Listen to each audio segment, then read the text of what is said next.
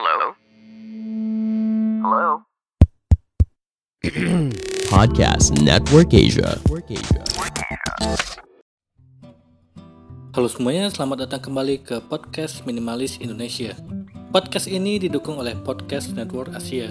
Untuk mempelajari lebih lanjut tentang podcast lain dan juga networknya, ikuti Podcast Network Asia di media sosial atau kunjungi situs webnya di podcastnetwork.asia. Podcast ini juga didukung oleh Podmetrics, cara termudah memonetisasi podcast kamu. Daftar sekarang gratis di podmetrics.co.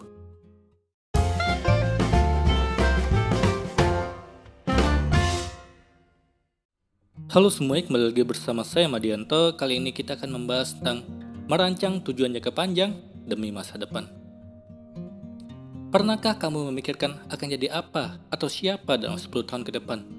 Bagi sebagian orang, merencanakan sesuatu merupakan sesuatu yang penting agar arah dan tujuan hidup mempunyai jalan yang jelas. Meski demikian, tentu dalam melaluinya pasti akan ada beragam hambatan dan tantangan. Seperti pepatah, manusia hanya bisa berencana. Tuhan yang menentukan segalanya. Diambil dari rencanamu.id, pengendalian diri merupakan faktor yang paling menentukan kesuksesan kita jika dibandingkan dengan kecerdasan. Pengendalian diri adalah sikap fokus pada tujuan atau goal utamamu dan sikap tidak cepat puas. Kebanyakan orang sukses merupakan orang yang bisa menentukan tujuan dan fokus meraihnya. Berikut adalah beberapa cara merancang tujuan jangka panjang. Yang pertama, tentukan tujuan jangka panjang. Apa perbedaan tujuan dengan impian? Impian merupakan hasrat, keinginan yang diharapkan tercapai. Sedangkan tujuan merupakan sesuatu yang dituju, yang untuk menjangkaunya dibutuhkan sebuah perencanaan yang jelas. Saat memiliki dan fokus pada rencana jangka panjang, maka akan ada rencana-rencana yang membuat diri terpacu untuk meraihnya. Tujuan jangka panjang orang-orang dapat berbeda-beda. Ada yang menargetkan untuk lima tahun, 10 tahun, 25 tahun, tapi pastikan tujuan jangka panjang spesifik. Misalnya dalam 10 tahun lagi ingin menjadi dosen, arsitek, atau tujuan lainnya. Tujuan yang spesifik dibutuhkan untuk membuat target dan perencanaan yang jelas. Kedua, buat target-target jangka pendek. Setelah mengetahui tujuan, maka selanjutnya buatlah target. Rencana demi rencana. Hal ini seperti batu pijakan untuk menuju tujuan jangka panjang yang akan dituju. Target dan rencana ini juga menjadi bahan evaluasi diri dan memastikan apa kita berada dalam jalan yang benar menuju tujuan jangka panjang tersebut. Tujuan jangka panjang mungkin akan terasa sulit karena adanya beragam hambatan dan tantangan selama proses. Target-target jangka pendek ini dapat memotivasi kita untuk terus bertahan dan fokus pada tujuan. Ketiga, evaluasi tujuan secara berkala.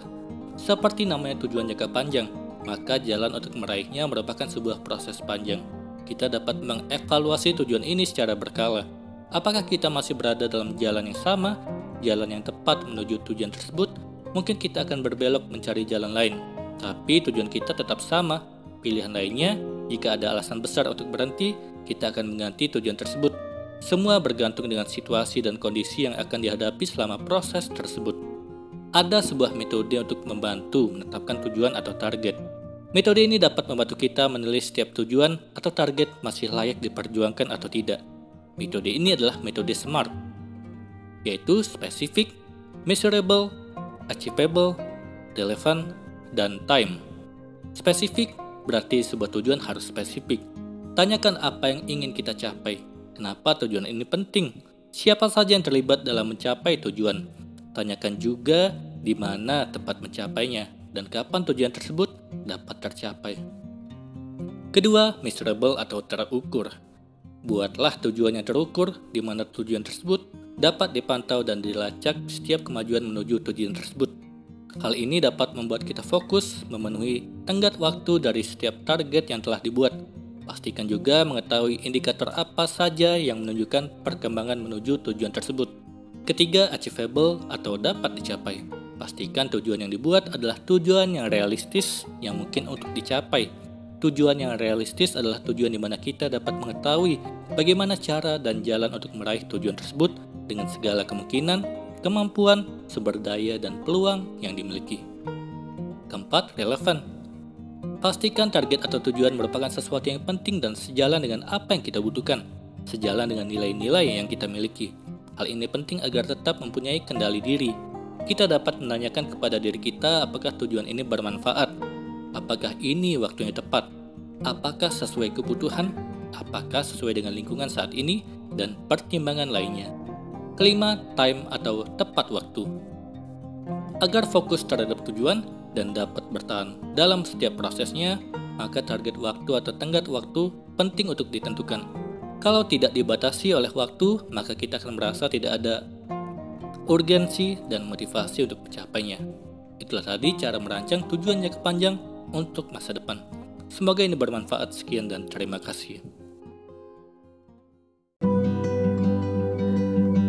Pandangan dan opini yang disampaikan oleh kreator podcast, host, dan tamu tidak mencerminkan kebijakan resmi dan bagian dari podcast Network Asia. Setiap konten yang disampaikan mereka di dalam podcast adalah opini mereka sendiri dan tidak bermaksud untuk merugikan agama, grup etnik, perkumpulan, organisasi, perusahaan, perorangan, atau siapa pun dan apa pun.